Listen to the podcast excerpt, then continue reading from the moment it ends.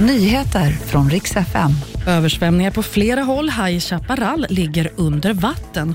Och mycket kan sägas om Erdogan-dockan, men brottslig, det är den inte. Nöjesparken High Chaparral söder om Jönköping har svämmat över, rapporterar Jönköpings-Posten. På High Chaparral ligger nu stora delar av parken och campingen under vatten. Bara senaste dygnet så har vattnet stigit 14 centimeter. Och det är många som drabbas nu, bland annat Jönköping och Örebros län kommer rapporter om översvämningar av både vägar och hus. SMHI de har utfärdat röd varning och det gäller både Götaland och delar av Svealand. Då ska vi prata om Erdogan-dockan som hissades upp vid Stadshuset i veckan.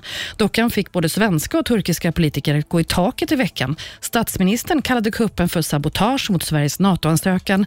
Organisationen bakom hänvisar till yttrande och demonstrationsrätten. Nu har i alla fall åklagare tittat på det här, kommit fram till att det inte är olagligt och lägger ner förundersökningen.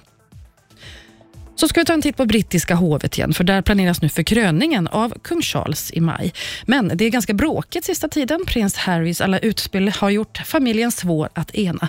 Senast i april måste de få till en försoning för att undvika flera skandaler, för alla förväntas delta i kröningen i maj. Det var nyheterna. Jag heter Maria Granström.